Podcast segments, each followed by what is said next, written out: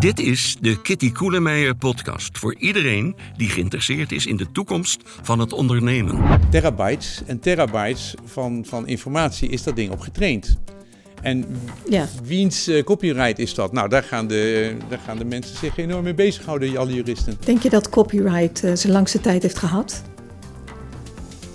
Nou, ik heb altijd het idee dat copyright behoorlijk zichzelf weet te handhaven.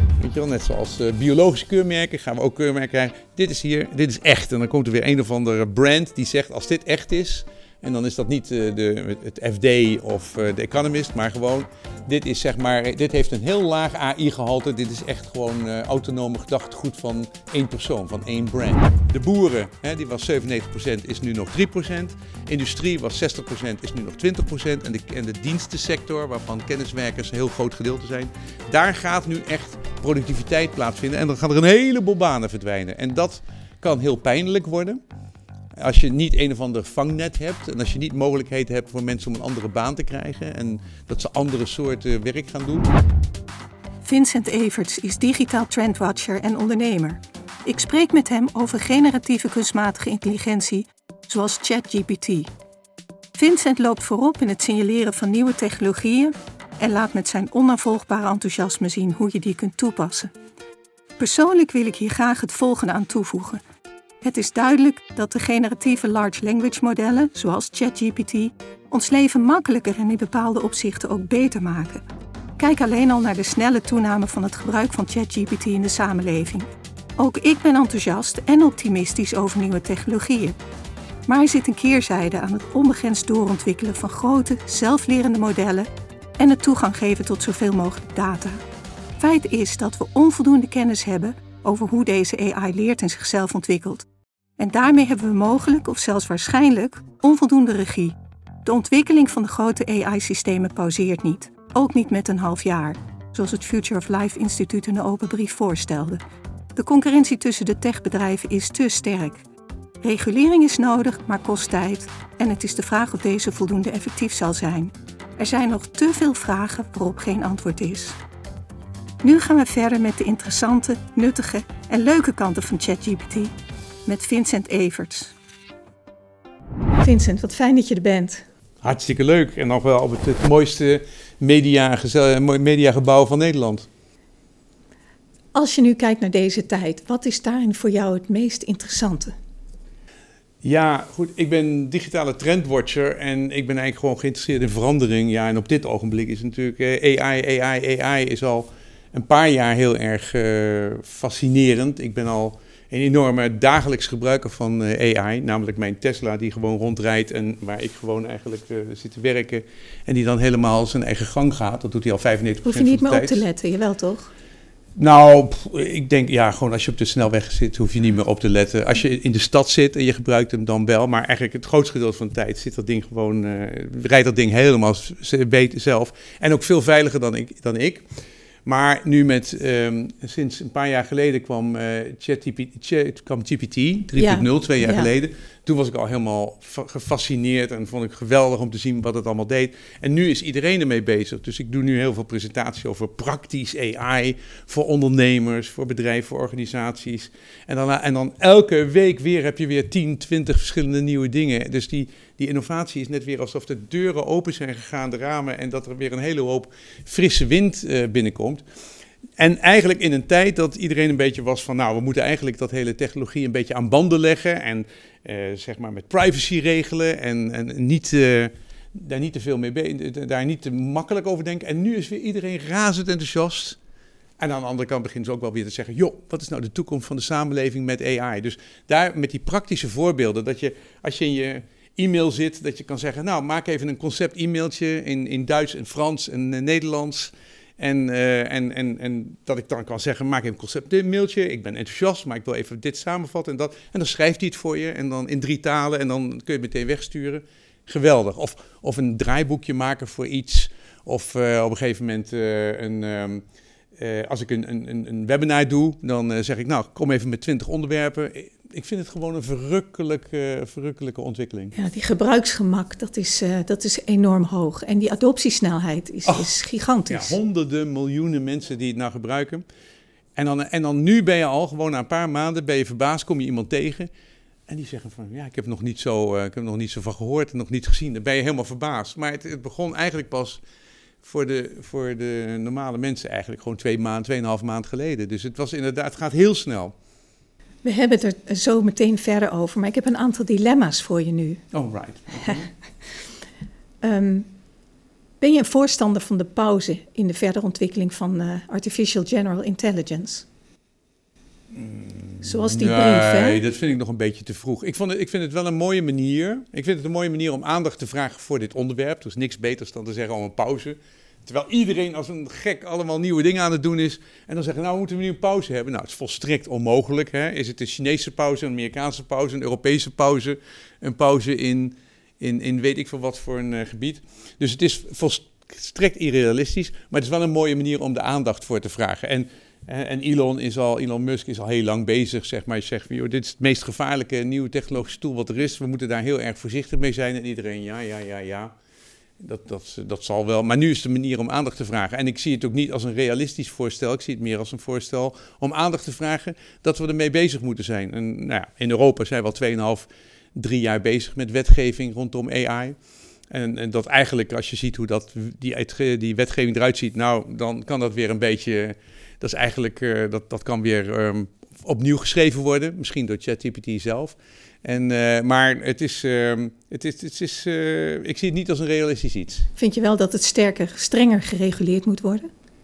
Ik vind dat het gereguleerd moet worden, maar ik denk dat we nog wel een paar jaar nodig hebben voordat we weten wat, hoe we dat moeten reguleren. Ik bedoel, Italië die het gewoon uh, helemaal afsluit en zegt van ja, we, we, hebben de leeftijdsgrens niet en we hebben geen idee over copyright, we gaan het nu afsluiten.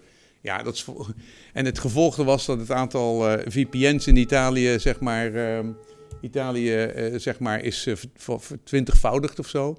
Dus da daarmee maak je het wel heel aantrekkelijk door het te verbieden. Dus dat is gewoon niet realistisch. In die brief vragen ze niet om te stoppen met bestaande toepassingen, maar met de verdere ontwikkeling. Met het nieuwe, trainen ja, van het nieuwe ja, model. En, ja. en Sam, die CEO van OpenAI, heeft gezegd: voorlopig gaan we het ook nog, nog niet trainen. Dus, uh, maar de verdere ontwikkeling, elke week zie ik gewoon weer uh, compleet nieuwe ontwikkelingen. Er is nu bijvoorbeeld met ChatGPT. Uh, is nu, heeft iedereen het over auto-GPT. Want normaal met ChatGPT, dan vraag je iets, hè, maak een plan of dit of dat en dan zie je dat. En met, open, met uh, AutoGPT, dan zeg je: maak een assistent die op de achtergrond dit soort dingen voor mij aan het doen is. Nou, bijvoorbeeld, ik, ik ben er nu eentje aan het installeren. Die gaat naar LinkedIn kijken. Die, die, log, die logt de hele tijd in in LinkedIn. Kijkt naar mij, kijkt naar al mijn concurrenten. Kijkt wat ze schrijven. Haalt daar uh, de populaire uh, artikelen uit. Zegt, uh, hey, dit is, wat, dit is wat hot. Als jij over AI wil schrijven, moet je dit en dit en dit schrijven. Doet vijf voorstellen. Ik hoef alleen maar op ja te drukken. En dan gaat hij kijken hoe goed, het, hoe goed dat gaat. Doet hij het niet goed, zijn de resultaten niet goed genoeg, dan herschrijft hij de code. En dan gaat hij weer verder. Dus het is eigenlijk gewoon een zichzelf verbeterend apparaat uh, met assistent die op de achtergrond bezig is om complexe taken voor mij te doen. Ja, dat is, dat is waanzinnig. Dat is echt heel erg, dat is gigantisch. Dat is echt weer de, de, de, de, een, een volgende stap die, die zoveel ingewikkelde dingen mogelijk maakt. Ja, en ik zie niet in hoe je daar nu mee kan stoppen. Mensen zoals Max Tegmark, Hè, die zeggen het is levensgevaarlijk om, om uh, een dergelijke vorm van AI. Hè, we zijn eigenlijk een, een, een, eigen nieuwe soort aan het ontwikkelen, dat is wat hij zegt. Om die aan te sluiten op het internet. En eigenlijk geef je daarmee alles, alles weg, alles bloot aan, een, aan een, ja, een programma waarvan je nog niet weet wat het gaat doen. Ja. Zie je, geloof ik bedoel, ga je daarin mee of zeg je dat is uh, science nou, fiction? Ik ben in ieder geval het aan. Kijk, ik ben een positivo. Hè? Dus Ja. wat dat betreft, Uh-huh. ik ben in principe altijd heel enthousiast over nieuwe dingen. En ik kom er langzamerhand achter dat dan dingen ook gevaarlijk zijn. Dus ik ben heel enthousiast over het internet eh, geweest toen het in 1994 een beetje naar de oppervlakte kwam. En toen heb ik ook in Media Plaza, dat is dan zo'n centrum, heb ik er jarenlang allemaal verteld van wat je er allemaal mee kan doen. En het enige wat mij dan op een gegeven moment tegenviel, is van hoe gecentraliseerd alles werd. Dat hè, winner takes all, dat het netwerkeffect toch wel heel erg sterk was. En in plaats dat ik dacht, iedereen krijgt een eigen voice. Ja, die kreeg je ook wel op Twitter, maar dat was er gewoon Twitter en Facebook en, en, en een stuk of tien andere netwerkjes die, alle, die de hele zaak overnamen. En ik doe er dus best wel wat langer over om de negatieve kanten te zien. Ik, maar ik begin altijd eerst met enthousiast te zijn en wat je er allemaal wel mee kan doen. En nu denk ik ook, het is, ChatGPT is een manier waarop mensen die niet zo makkelijk schrijven, niet zozeer een wit vel uh, en, en planningen goed kunnen doen, daar is het fantastisch voor. En dan, en, dan, en dan ben ik niet zo geneigd om meteen over een nieuwe ontwikkeling te, te praten over alle negatieve zaken. En ik ben ook heel erg voorzichtig met zeggen, er moet wetgeving komen. Want voordat wij doorhebben wat we moeten uh, doen aan wetgeving, dan moet er eerst meer begrip zijn, meer kijken. Dus je moet er heel goed naar kijken, je moet er heel erg mee bezig zijn, je moet uh, de discussies over hebben en, en, hoe zou die eruit moeten zien. Maar je moet niet meteen met wetgeving aankomen. Dat, dat, weten we nog te weinig van. Ik ben ook altijd enthousiast en optimistisch over nieuwe dingen. Maar als ik dan zo'n Max uh, Techmark van de Future of Life Institute hoor zeggen... Mm kijk naar de film Don't Look Up. Wij mhm. hebben hier een, een, grote rots boven ons hoofd cirkelen en we, we willen hem niet zien. Mm. Ja, je kunt naar de film Don't Look Up kijken, maar ik vind het eigenlijk veel leuker om naar de film Her te kijken. Ik weet niet of je die film nog kent, Her. Zo'n appje van, waar je helemaal verliefd op wordt van een fantastische stem en die dan op een gegeven moment...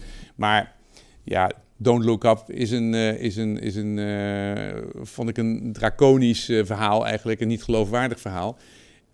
AI is, is wel echt gewoon voor iedereen super nuttig. Hè? Het is ja, de toepassing maakt ons leven iedereen beter. Iedereen die ermee bezig is, denkt... Ja die, wauw, ik bedoel, ik had, gisteren kwam weer een advocaat tegen die zei, nou, ik vind dat eigenlijk helemaal niks, dat ChatGPT. Ik zei, oh, oké, waarom vind je het niks? Nou, zei hij, ik, ik vind het gewoon niet oké dat eigenlijk dat soort programma's teksten schrijft en uh, dingen. Maar ik zei, ja, het, het maakt jou heel erg productief. Bijvoorbeeld, wat doe jij heel veel? Ja, met aandelen bijvoorbeeld. Ja, ik moet aandelen overschrijven van de een naar de andere. En dan heb ik weer zo'n document, moet ik allemaal custom made maken. Nou, laten we dat even inprinten. Dus ik typte in, gewoon maak een uh, document om aandelen over te geven in de Duitse taal. En met die en die ding. En hij schreef het en hij was echt zo van, wauw dit is heel nuttig voor mij, want ik kan tien keer zo snel werken. En als, als hij zelf kan beoordelen wat dat programma produceert, dan is het ook echt gewoon verantwoord. Als iemand het gaat doen zonder dat hij weet hoe dat, wat, of hij de uitkomst kan beoordelen, dan is het uh, gevaarlijk. Dus er moet wel een heleboel verteld worden voor wie het is, voor wie het niet is. Wat je er wel mee kunt doen, wat je wel moet geloven, wat je niet moet geloven. Um, maar ja, AI Weet je wel, hoe lang voorspellen we al het einde van de wereld doordat de AI ons vernietigt? Ik geloof al een jaar of dertig zijn er allemaal films over die dat uh, Maar dat houdt ons scherp, hè? En dat is ook weer goed. Ja, maar het is ook een beetje eigenlijk, uh, het is een beetje ook cry wolf immediately. Dus ik denk, uh, ik denk je moet er genuanceerder zijn. Je moet je oriënteren, je moet informeren. Je, het is ook heel goed dat alle parlementariërs en politici en wetenschappers zich er allemaal mee bezighouden en vertellen wat. Maar wacht even met, wacht even met wetgeving. Over vijf jaar is vroeg genoeg. Ja, en de vraag is ook of je het met wetgeving het mogelijke probleem oplost. Hè? Want het gebruiks, de toepassingsmogelijkheden zijn ongekend. Mm. Dat verklaart ook die enorme adoptiesnelheid. En de vraag is of je het met wetgeving goed kan reguleren. Hè? Want dat, zo'n programma ontwikkelt zichzelf uh, steeds verder. Ja, Denk jij dat voor dergelijke AGI ook geldt winner takes all? Um, ja, dat is een goede vraag. Ik... Um, één kun je, kun je zien vanuit AI. En dan denk ik eigenlijk dat er een heleboel verschillende platformen komen die nog enorm in de komende tijd enorm in concurrentie zijn, uh, gaan met elkaar. En je hebt hele toegepaste uh, zeg maar AI. Je hebt AI om van teksten video's te maken en van plaatjes en toestanden. Ik denk dat er overal wel verschillende soorten gaan komen. En ik denk wel dat er een aantal um, grote dominante spelers gaan, gaan zijn, maar dat, er, dat, er, dat het onder dat het toch wel heel erg fragmentariseert op het moment dat je naar die specifieke toepassingen gaat komen. Maar ervaringen uit het internet is network, uh, het network effect winner takes all. Dus um, ja, het is, met Google, uh, zo, het is met Google zo gebeurd en met Funda is het zo gebeurd. En overal zie je eigenlijk dat uh, die platformen in hun specifieke area heel gauw nummer 1 wordt. En dat is, die, die krijgt 60%, nummer 2 krijgt, 80, krijgt 20% en de rest krijgt de rest. Dus dat zou eigenlijk wel gewoon te verwachten zijn. Maar het gaat er even om hoe gefragmentariseerd wordt het. dus heeft video, daar komt vast wel nummer 1 uh, eh, uit. En met uh, mooie plaatjes maken ook wel eentje. En uh, ten derde een large uh, language model zal ook wel een kampioen uitkomen. Maar zijn er nog honderd andere soorten? Hè? Bijvoorbeeld voor architectuur. Dat je zegt, hey, maak een design van een huis met, met zoveel kamers en dit en dat. Het moet zero energie zijn, met dat, dat, dat. En ik wil in de stijl van, in de stijl van zo, zo, zo. En maak gewoon vijf huisvoorstellen met die zoveel per vierkante meter kunnen komen. Is dat een apart AI-getraind netwerk? Of, of niet. Want het, het, de, de, de technologie zelf van het netwerk is één ding.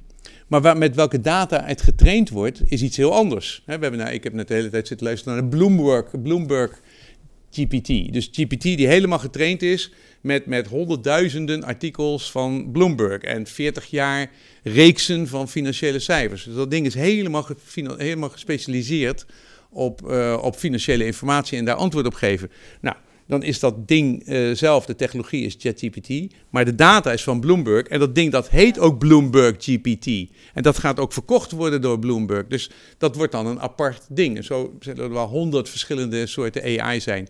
En ik denk ook bijvoorbeeld met... Uh, zelfrijdende auto's. Hè? Dan heb je inderdaad, enerzijds heb je de Tesla's van deze wereld en anderzijds heb je zeg maar Intel die dan uh, het grootste platform heeft voor alle andere dingen. misschien doet Mercedes zelf ook nog wat uh, Mobileye. En um, dus er zullen wel heel veel spelers zijn. En of daar nou van heel AI een paar players overblijven of een paar honderd, dat uh, kan ik niet zo goed voorzien op dit ogenblik. Ik hoor je eigenlijk zeggen, op het moment dat die data afgesloten zijn of in, in eigendom van bepaalde private partijen, ja, dan is het niet mogelijk om zo'n generieke uh, chatbot te, te, trainen. En dat is natuurlijk logisch, want Bloomberg heeft zijn eigen, zijn eigen data. Ja.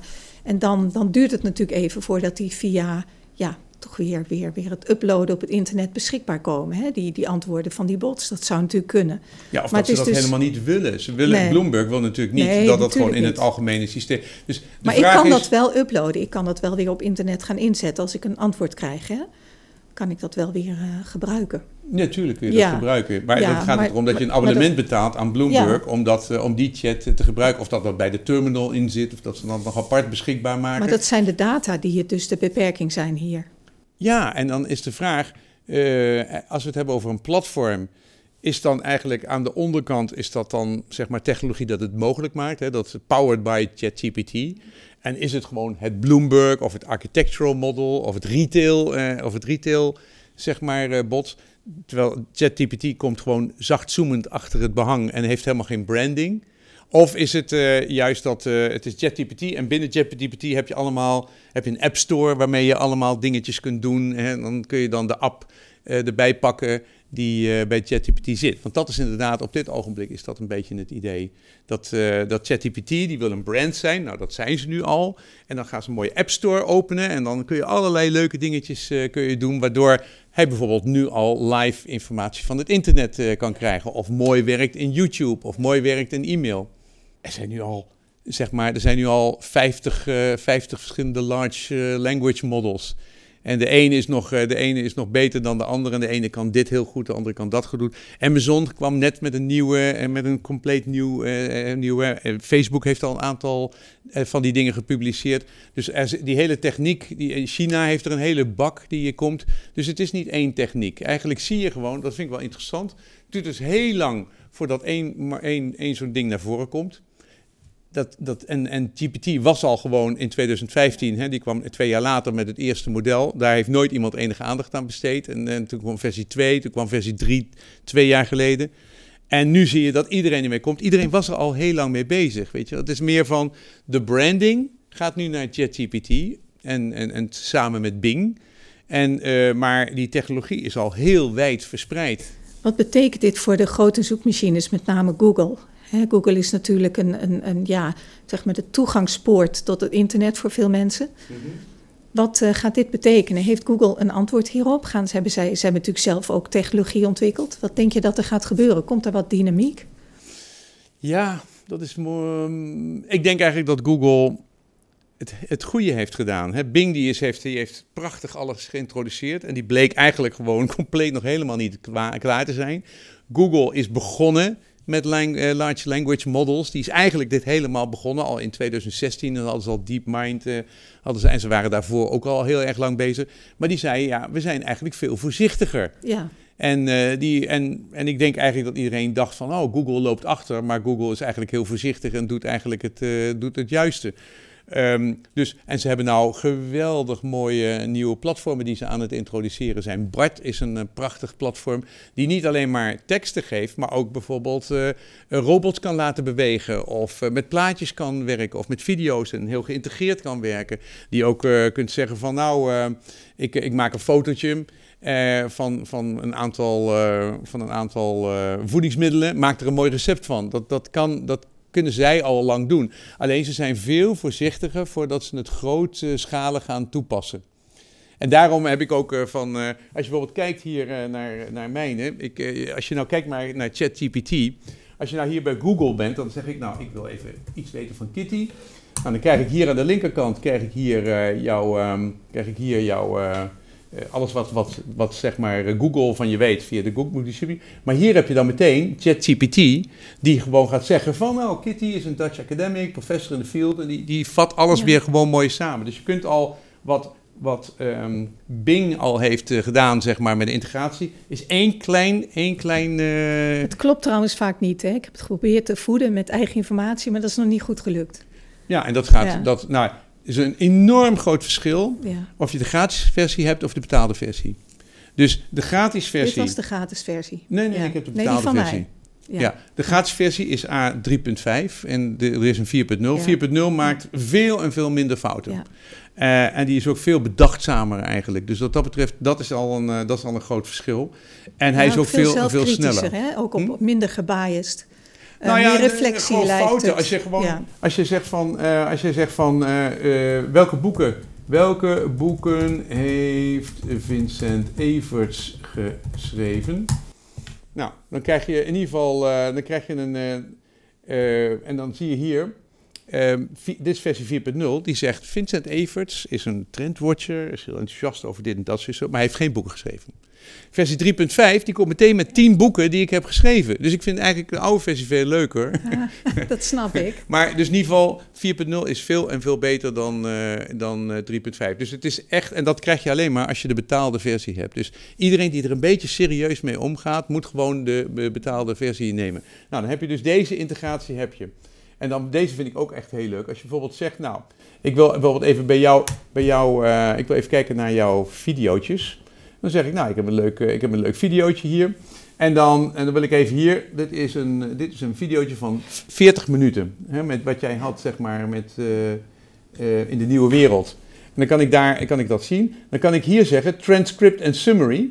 Ik kan even het transcript zien, dan krijg je meteen alle teksten. Ja, maar dat is in YouTube ook. Ja, en dan zeg ik hier, klik transcript en summary. Dan uh, pakt hij dat hele summary, gooit het in, uh, gooit het in, uh, in ChatGPT en maakt er een samenvatting van. En zegt van, maak een samenvatting in Nederlands.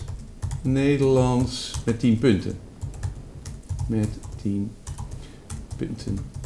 En dan doet hij dat gewoon keurig netjes, keurig netjes samen. Dus dat vind ik echt ook heel erg en leuk. En is die kwaliteit ook goed? Die samenvatting, ik vind het oneindig. Ja. Dan kun je daarna ook gewoon kijken, vind je het interessant? Ja. Want zo'n film, vaak zijn die teksten die er bij YouTube-filmpjes zijn waardeloos. Dat is echt gewoon, ja. daar hebben ze helemaal geen tijd voor. Nee. En dit wordt dan compleet uitgewerkt. En dan kun je zien van uh, waar hebben ze het nou eigenlijk over? Dan kun je dat een beetje zien of het interessant is. Dus voor mij is een summary, summary van PDF's, summary van boeken, summary van video's dat, dat, dat wordt het, dan wordt het gewoon super interessant op het moment dat je dat soort dingen kunt ja, en toepassen. ik vind het, het de, de, schrijfstijl ook zeer plezierig. Hè? Het heel leest goed. gewoon heel goed. Ja, maar daar ook. En daar zit ook een beetje de verleiding in, hè? Dat, je, dat, dat, dat je dan misschien uh, het risico loopt wat minder kritisch naar de inhoud te gaan kijken, omdat het zo fantastisch geschreven is. Maar dan kun jij ook weer daar een invloed op uitoefenen. Jij kunt tegen ChatGPT zeggen: je bent een academische hoogleraar in retail. En alles wat marketing je doet. eigenlijk. Ja. Al, of marketing, retail, market, retail marketing. Je bent een academisch hoogleraar in retail marketing. En je bent geïnteresseerd in technologie. Je bent dit en dit en dit. En dan heb je dat, dat heet de system, uh, dat heet de systeemvariabelen. Dan beschrijf je eigenlijk hoe ChatGPT zich moet gedragen. En vanaf dat ogenblik schrijft hij ook op academisch niveau. Uh, komt hij ook met allemaal, uh, komt hij ook met allemaal verwijzingen naar artikelen die dan eigenlijk te vinden zijn en zo. Dus je kunt met ChatGPT oneindig veel dingen doen. Ik heb een prachtige cheat, uh, een cheat sheet. Waarmee, hoe je eigenlijk ChatGPT op, op hoger niveau kunt gebruiken. Dat is, het is echt fantastisch. Het programma heeft het niet nodig, de software, maar je bent een grote promotor ervan. Ja, nou ja, dat, ja, ik bedoel, het heeft echt niet nodig. Het, het gaat over. Maar wat, wat je wel ziet, is je wil dat mensen. In, het, het, het, belangrijkste bij dat ChatGPT is dat je een goede, um, goede prompting doet. Hè? Je moet vragen, wat wil je nou eigenlijk? En dat moet echt heel, heel zorgvuldig, heel, dat moet je eigenlijk gewoon goed kunnen doen. Je, en um, als jij gewoon iets algemeens vraagt, krijg je iets algemeens. Als je iets heel specifieks vraagt en je weet gewoon iets van het onderwerp, dan weet je de vraag en dan weet je welke vragen je moet stellen. En uh, dan krijg je ook veel meer uit uh, ChatGPT. Dus dat vind ik wel leuk om te vertellen. Maar Vincent, deze, deze software schrijft beter dan de meeste mensen ooit zullen kunnen. Mm -hmm. ja, wat, wat, veel wat beter dan ik in ieder geval kan schrijven. Nou ja, ik bedoel, het, nee, het ik... is, en de snelheid, het is ongeëvenaard. Ik ja. bedoel, ik kan dat ook niet op die manier. Uh, wat betekent dat voor onze vaardigheden? Hè? Wat, wat, betekent dat voor de toekomst? Wat, voor wat, wat we moeten gaan, uh, hè, waar de aandacht op scholen, universiteiten naartoe moet, maar ook in het bedrijfsleven. Wat betekent dit? Nou, dat we dit besteden we nu uit. dat wij betere teksten gaan krijgen, want de meeste mensen kunnen niet schrijven. De meeste mensen kunnen niet schrijven, de meeste mensen kunnen ook niet presenteren. Nee, dat klopt. En uh, dus dat betekent eigenlijk een, dat, dat hiermee hebben mensen nu de gelegenheid om een fatsoenlijke tekst te schrijven. Ze moeten daarna wel kunnen beoordelen wat er geschreven is is dat nou eigenlijk wat ik wil? Want het moet wel een beetje bij jou passen. Als je alleen maar ChatGPT-teksten zonder enige uh, kritiek gaat gebruiken, dat is niet handig. Nee, je moet ook dus- weten waarop je moet letten. Hoe, hoe valideer je zo'n ja. tekst? En dat is best moeilijk. Zeker ja. als je die, die schrijfvaardigheden zelf niet hebt. Mm -hmm. He, wat ik al zei, dat je, dat je verleid wordt door de, door de vloeiende, soepele taalgebruik. En dat je denkt van, hé, hey, dat, dat klopt misschien wel. Net zoals ja. goede public speakers mensen overtuigen met hun, met hun presentatie... en niet zozeer met de inhoud. Ja, het zelfvertrouwen van ChatGPT is ongeëvenaard. Ja. Ja. ja. Dus dat zijn ze nu ook allemaal aan het doen. Er staat nu, ChatGPT begint nu heel erg... Je moet, dit zijn algemene informatie. Je moet eigenlijk kijken of het actuele. Die, die, je ziet nu dat de introducties. waarin ze zeggen: hey, wees voorzichtig, geloof niet alles wat hier staat, die worden steeds groter. Maar daaronder komt vaak een hele positieve, uh, enthousiaste verhaal waarin ze heel zelfverzekerd zijn. Zeker de oude versie, de gratis versie, die is heel zelfverzekerd. De nieuwe versie 4.0 is veel genuanceerder. En je kunt ook zeggen, hey, wees genuanceerd. Jij bent een genuanceerde ChatGPT en dan krijg je vanaf dat ogenblik veel meer genuanceerde antwoorden. Dus, uh, maar je moet wel kunnen beoordelen of het een beetje klopt aan het einde. Maar dat, dat, ik denk dat veel meer mensen kunnen beoordelen of uh, zeggen: hey, dit klopt, of maak dit een beetje vlotter, of maak dit juist een beetje zorgvuldiger, of haal dit weg. Uh, ik denk dat daarmee mensen veel betere teksten kunnen maken. En dan kun je ook met één druk op de knop, kun je er ook gewoon een, uh, een avatar van maken die een mooi verhaaltje maakt. En, en, die kan ook nog jezelf zijn. Je kunt jezelf uploaden als uh, persoon. En dan kun je gewoon ook die teksten kunnen Heb laten uitspreken. Heb je dat gedaan? Heb je dat zelf gedaan? Ja, kun je dat ook laten zien? Ik ga nu even laten zien hoe je nou eigenlijk gaat van een idee naar een stukje tekst naar een complete avatar die het allemaal perfect uitspreekt. En dat duurt minder dan twee minuten. Speaking from the heart to my amazing community of 1,000 followers on Prompt Jungle. I made that in less than two minutes. Watch this quick tutorial and follow each step to the end.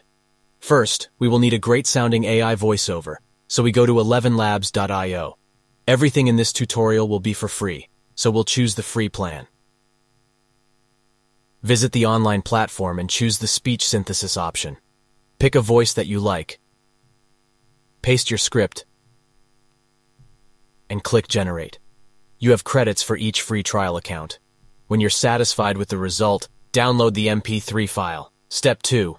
Create the video with an avatar. We'll go to d-id.com, log in with your Google account, and choose the free trial. Create a video, and choose a preset avatar, or upload your own photo. On the right, you can use the Voice Over Generation tool or upload your own recorded script. In this case, we'll upload our script from 11 Labs because we prefer the flow of their voiceovers. Once you have the picture and script uploaded, click Generate Video. And that's it. You now have a video ready to share. In the next video, I'll show you how to create an AI voice based on your own voice. So whenever you want to do a voiceover, you can just text to voice and generate. Hello, gorgeous people. I'm feeling all sorts of emotions right now as I stand here speaking from the heart to my amazing community of 1,000 followers on Prompt Jungle. Ja, dus met dat DID kun je dus uh, gewoon een Nederlandse spreker nemen, een vrouw, een man. Je kunt ook je eigen avatar uploaden. En het kost, uh, zeg maar, gratis kun je gewoon een stuk of uh, vijf, zes filmpjes maken. En dan kun je zien hoe het werkt. En voor 7 euro per maand heb je al gewoon een, een 10 minuten dat je aan filmpjes kunt maken. Dus dat kost echt ook helemaal niks. En het is gewoon echt de tekst intypen. En hij, begint het, hij of zij begint het gewoon in te spreken. Dus dat is echt gewoon heel erg mooi en, en, en, en professioneel hoe dat al werkt. En ongelooflijk efficiënt. Het is heel efficiënt en ik zit nu te wachten op uh, dat ik kan zeggen uh, en foutjes en dat hij mij kan, im dat mij kan imiteren, dat ik een, een videootje kan uploaden en dat hij mijn stijl gaat pakken. Dat zie je nu ook, dat is ook de volgende versie. Wat ook nu zo mooi is, is dat je, je neemt een videootje op zoals dit en dan uh, zeg je, hey, deze zin vind ik niet leuk, haal dit even weg, haal dat weer weg, zet dit in de andere volgorde en dan maakt hij gewoon een complete nieuwe video. Dus je kunt van video naar tekst gaan en daarna weer van tekst naar video. Nou ja, inderdaad. En je kunt, meteen, je kunt ook allerlei dingen intypen die die persoon die ik dan gezegd ja. heb. Dus dat, dan ben je gewoon... Maar jij bent dan ook de enige die dat doet, hè? Je moet natuurlijk zorgen dat jij de enige bent die dat kan doen met deze, deze beelden. Iedereen kan het doen. Met jouw beelden? Ja, want de beelden tekst? staan op YouTube. Dus het enige wat ik hoef Iedereen te doen... Iedereen kan jouw YouTube-video Iedereen kan mijn YouTube-filmpje pakken en die kan die downloaden, dan transcript, daarna zit anders schrijven. Zit er geen beveiliging op? Er zit geen enkele beveiliging op. Maar zit daar geen keurmerk op, geen, geen watermerk of zo, dat je, dat je ziet wat de originele versie is? Ja, sommige, sommige van deze, zoals DID, en zeker in de gratis en de, de goedkopere programma's, daar zit een watermerk in dat het een, uh, dat het een, uh, een deepfake is. Of dat het gewoon geen echte opname is. Dus ik denk inderdaad dat je, dat je dat gaat ook gewoon een wedstrijdje worden. Is iets echt of is iets niet echt? Ik vind dat wel belangrijk. Ja, en ook met auteursrecht. Hè? Want ja, ja dat zeker. hele large language model van wat, die is natuurlijk getraind op alle mogelijke manieren. Het hele internet. Het is gewoon uh, terawatts en terra, terra, um, terabytes en terabytes van, van informatie is dat ding op getraind. En wiens uh, copyright is dat? Nou, daar gaan, de, daar gaan de mensen zich enorm mee bezighouden, alle juristen. Denk je dat copyright uh, zijn langste tijd heeft gehad? Nou, ik heb altijd het idee dat copyright behoorlijk zichzelf weet te handhaven. Tot nu toe zeker. Ja, en dan zie je dat het, in het bij sociale media dat het dan niet meer zo uh, belangrijk is uh, dat iedereen alles kopieert van elkaar. Maar als je dan op tv komt of op radio of op officiële kanalen of kanalen waar op een gegeven moment ook echt uh, geld mee te doen is, dan zie je dat copyright echt heel hard terugkomen. Overal waar je bij een bedrijf komt, daar wordt het neergezet. Als je een persoon hebt, nou, dan, dan kun je een hele hoop doen. Als bedrijf moet je ontzettend uitkijken, want voordat je weet krijg je een enorme boete aan je broek. Maar er zijn ook een heleboel mensen die niet zo geïnteresseerd zijn in copyright, maar meer in verspreiding. Hè? Dus bijvoorbeeld muziek. En uh, die dus niet zo uh, daar ontzettend op zitten, op zitten. Er is een heleboel keuze aan non-copyrighted music, of eigenlijk met, uh, met, met allerlei licenties die toestaan dat je dat gebruikt. Hoe bescherm je je eigen gedachtegoed? Want kijk, het is niet allemaal Lucky TV, hè, waarbij je ziet dat, dat, uh, nee. dat het uh, humor nee. is of het ironisch. Het ziet er nu echt geweldig uit. Ja. Het ziet er nu bijna, je kunt het niet meer uitvinden. En je ziet dus nu heel veel softwareproducten. Dus bijvoorbeeld bij ChatGPT is een programmaatje um, dat de leraren kunnen gebruiken op de middelbare school om te zien welk percentage van de tekst is door ChatGPT geschreven. Mijn kinderen zijn al super enthousiast over uh, ChatGPT. Die zitten nu in de examen, eindexamen, zeg maar. Die zitten allemaal werkstukken te maken. Nou, de basis is gewoon ChatGPT en daarna gaan ze het een beetje veranderen. En ik denk ook, het is, het is straks ook niet de keuze, gebruik je ChatGPT of niet. Maar A, gebruik je het op een goede manier? Kun je goed prompten? Kun je goed daarna de, de teksten evalueren? En ja, het percentage wat uh, door uh, die tools geschreven wordt, zal steeds hoger worden. Maar dus ook betekent dat je ook heel erg efficiënt kunt zijn en heel effectief en ook creatief. Ja, en de, de software waarmee je kunt zien of iemand uh, zo'n bot heeft gebruikt, die wordt ook steeds slimmer, hè? Ja, maar ik heb geen oplossingen voor al die problemen nee. van of nou iets echt is of niet echt, of dat nou alleen maar goed gebruikt wordt of alleen maar slecht. Het antwoord is allemaal. En het zal heel moeilijk zijn om die. Het zal gewoon een ontwikkeling zijn om die antwoorden te krijgen. Ik denk dat wij er als samenleving wel weer mee leren omgaan. En dat er op een gegeven moment ook allemaal uh, keurmerken worden. Dit is echt. Weet je wel, net zoals uh, biologische keurmerken gaan we ook keurmerken krijgen. Dit is hier, dit is echt. En dan komt er weer een of andere brand die zegt als dit echt is, En dan is dat niet uh, de, het FD of uh, de Economist, maar gewoon, dit is zeg maar, dit heeft een heel laag AI-gehalte. Dit is echt gewoon uh, autonome gedachtegoed van één persoon, van één brand. Ja, waarbij je toch een soort zegel krijgt van wat is het percentage AI wat hierin zit. Ja. Ja, ja dat, dat, heb je dus nu al gewoon voor de middelbare school. En dat was ja. het eerste programma wat al die leraren vroegen. Ja, ja, en het schijnt ook zo te zijn dat uh, als je een, een, een, tekst aanbiedt aan uh, ChatGPT, mm -hmm. waarin, uh, ja, waarin, waarin je een beetje de, de antwoorden, de tekst verandert die het programma zelf oplevert, ja. dan, dan schijnt dat programma dat niet te waarderen. Dus als je een oorspronkelijke tekst erin in dat, in dat programma toevoegt, mm -hmm. in die software, ja. dan vindt hij dat uh, niet zo leuk. Dus daaraan zie je dat het, hoe, hoe meer het afwijkt van wat ChatGPT zelf gedaan zou hebben, hoe groter de kans is dat het echt is. Ja, nou ja, op dit ogenblik heb ik gezien dat als ik nu zeg maar mijn teksten die ik met ChatGPT in dat programmaatje zet, zeg maar, wat op openai.com gewoon staat, ja. dan geeft hij uh, zoiets van 37% uh, kans dat dit met ChatGPT is geschreven. Dus ook een heleboel procent kansen niet. Ja. En, uh, dus dat mag allemaal nog wel een stuk beter. Ja, absoluut. Nee, het is echt gewoon een ontwikkeling waar we van denken van... jee, waar gaat dit heen? En wat gebeurt er met copyright, echtheid, met fake news? Wat, is jouw, wat wordt jouw bijdrage op het gebied van AI? Want je, je, je communiceert natuurlijk enorm veel. Je, bent, je loopt voorop als het gaat om de nieuwe, nieuwe ontwikkelingen. Nou, ik loop niet zozeer voorop. Wat mijn bijdrage aan de wereld is om uh, zeg maar kijken wat is nieuw dat te proberen te begrijpen en dan op een enthousiaste manier begrijpelijk uit te leggen. Dat is eigenlijk een beetje mijn rol. ik was directeur van Media Plaza. Ik heb vijf jaar lang uh, elke dag uh, gewoon vijf presentaties gegeven over wat betekent nou eigenlijk dit voor Heineken of voor de bank of voor de Nederlandse bank of voor de overheid of voor uh, een of ander logistiek bedrijf. Dus ik heb toen echt tienduizenden mensen per jaar binnengekregen. En wij hadden gewoon een team die dan vertelde wat daarmee gebeurde. En ik ben als trendwatcher ben ik daar ook heel erg mee bezig. Daarnaast heb ik dan ook nog een aantal bedrijven zeg maar, opgericht. Eén bedrijf dat deed document management voor AutoCAD, als je dat wat zegt. Tekeningen, tekeningen met behulp van de computer. Nou, dat heeft honderdduizend pakketten over de hele wereld verkocht. Het wordt nu BP gebruikt het om alle tekeningen zeg maar, uh, te managen. Dus ik heb ook nog een aantal bedrijven opgericht. Ik ben nu bezig met een bedrijfje in de cryptowereld om met slimme artificial intelligence bots investeringen te kunnen doen. Moet je dit muntje nou kopen of moet je dat verkopen? Ik, ik ben eigenlijk wel goed om net zo lang vragen te stellen aan mensen die heel veel weten, dat ik het zelf ook begrijp en dan leg ik het uit. Dat is, dat is mijn rol als trendwatcher. Dus niet als futuroloog. Ik voorspel niet zo vaak wat er in de toekomst gebeurt. Ik kijk meer, moet je kijken wat er op dit ogenblik allemaal gebeurt. En dan laat ik het zoveel mogelijk zien. Dat is mijn bijdrage aan de wereld. En daarnaast heb ik een stuk of vier, vijf bedrijven opgericht in mijn leven. Die probeert dan dat soort dingen toe te passen. Maar dat is allemaal veel meer specifiek in een, klein, uh, in een kleine area. Ik ben een generalist. Ik vind het heerlijk om te praten over financiën en over uh, media en over retail en over allerlei verschillende onderwerpen. Als je een bedrijf hebt, moet je je focussen. Dat is een ander soort uh, bijdrage. Zeg maar jij focust je, focust je dan achterin volgens op die bedrijven of heb je ze allemaal tegelijk? Nee, ik, ik, achter, ik heb ze nooit allemaal tegelijkertijd. Dus ik heb gewoon. Meestal doe ik alles vijf jaar. Dus ik heb vijf jaar aan document management uh, gewerkt. Zeg maar met AutoCAD. Ik heb vijf jaar met video op het internet gewerkt. Toen, net toen YouTube opkwam, zeg maar. Ik heb, nu, nu ben ik twee jaar hiermee bezig. En daar ben ik ook wel vijf jaar mee bezig. Met alles met crypto.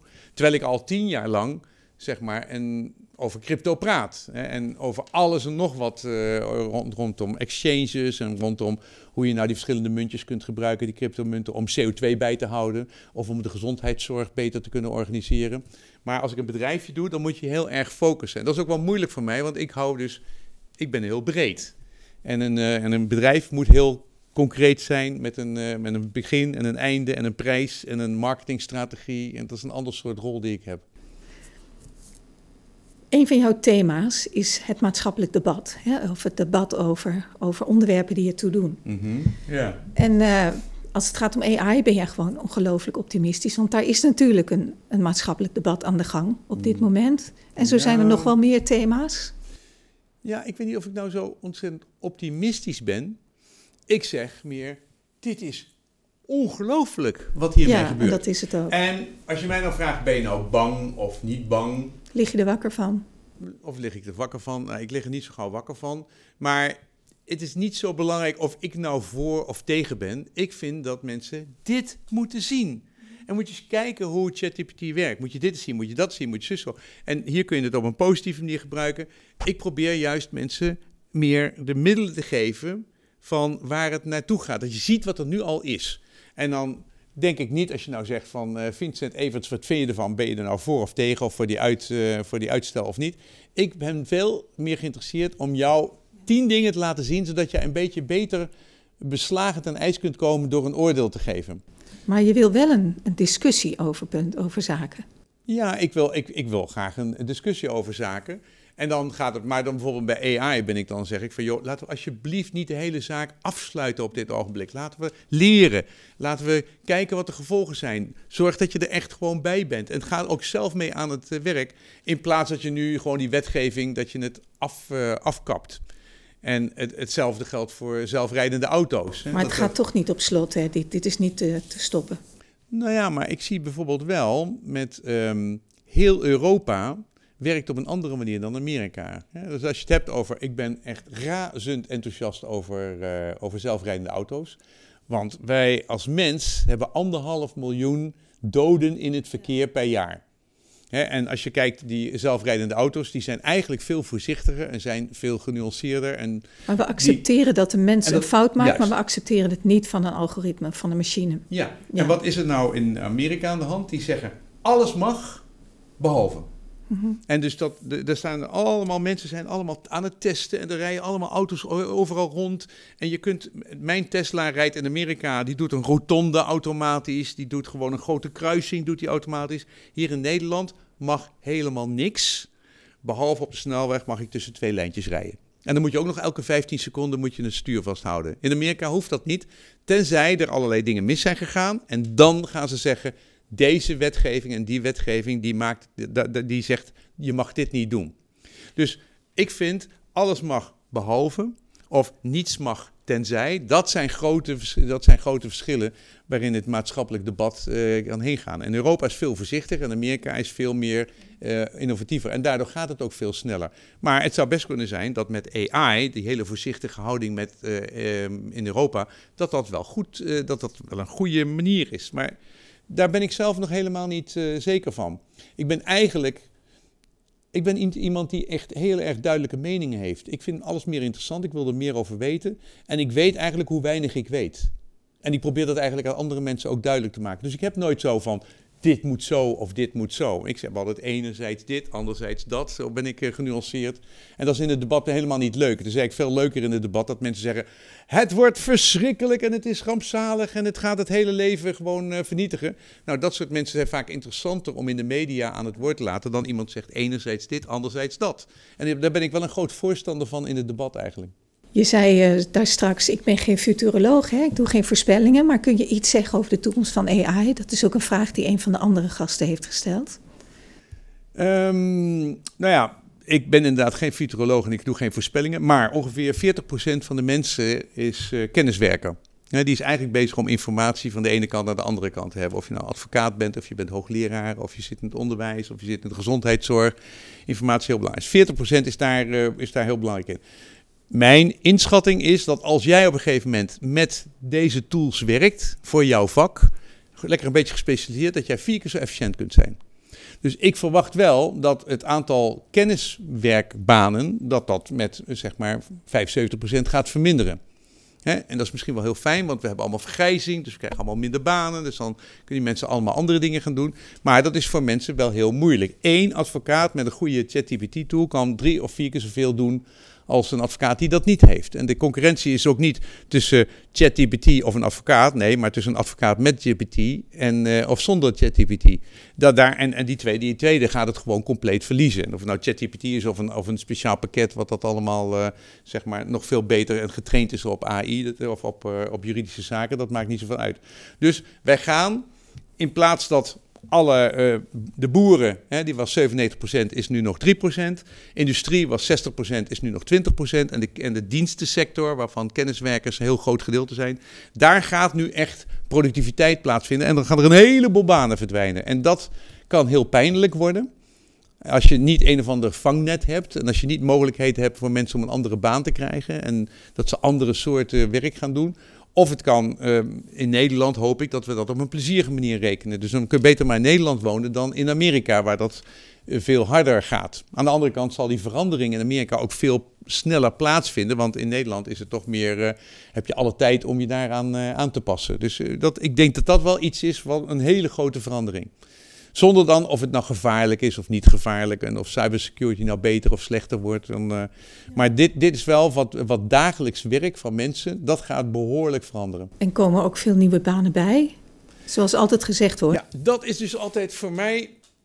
Dat argument heb ik nog nooit gekocht. Toen wij zeg maar, uh, toen we van farming zijn gegaan naar industrie, toen zag ik dat er grote hoeveelheden banen mogelijk waren. Toen gingen we naar de dienstensector. Maar als die dienstensector nu veel en veel efficiënter gaat worden en niet meer 70% van de mensen nodig heeft, dan zie ik niet een of andere andere prachtige, mooie uh, nieuwe sector opkomen die al die banen gaat opnemen. Nee, dan denk ik eigenlijk veel meer waar iedereen dan vanuit Silicon Valley ook aan denkt, van dat iedereen een, een soort basisinkomen moet hebben en dat je daar dan en dat, en dat, je dan op een gegeven moment iets kunt doen wat veel meer in de vrijwilligersfeer zit. Want ik geloof niet dat echt overal voor iedereen een baan uh, mogelijk is. Nee, ik zie dat niet uh, zitten. Zonder enige vorm van voorspelling is dat wel wat ik denk. Vincent, dankjewel dat je er was. Nou, dat was hartstikke leuk. En eigenlijk was het inderdaad veel te kort. Ja, veel te kort. dankjewel. Dit was de Kitty Koelemeijer podcast. Als je dit gesprek interessant vindt en vaker dit soort gesprekken wilt zien of horen, druk dan op die bekende knop.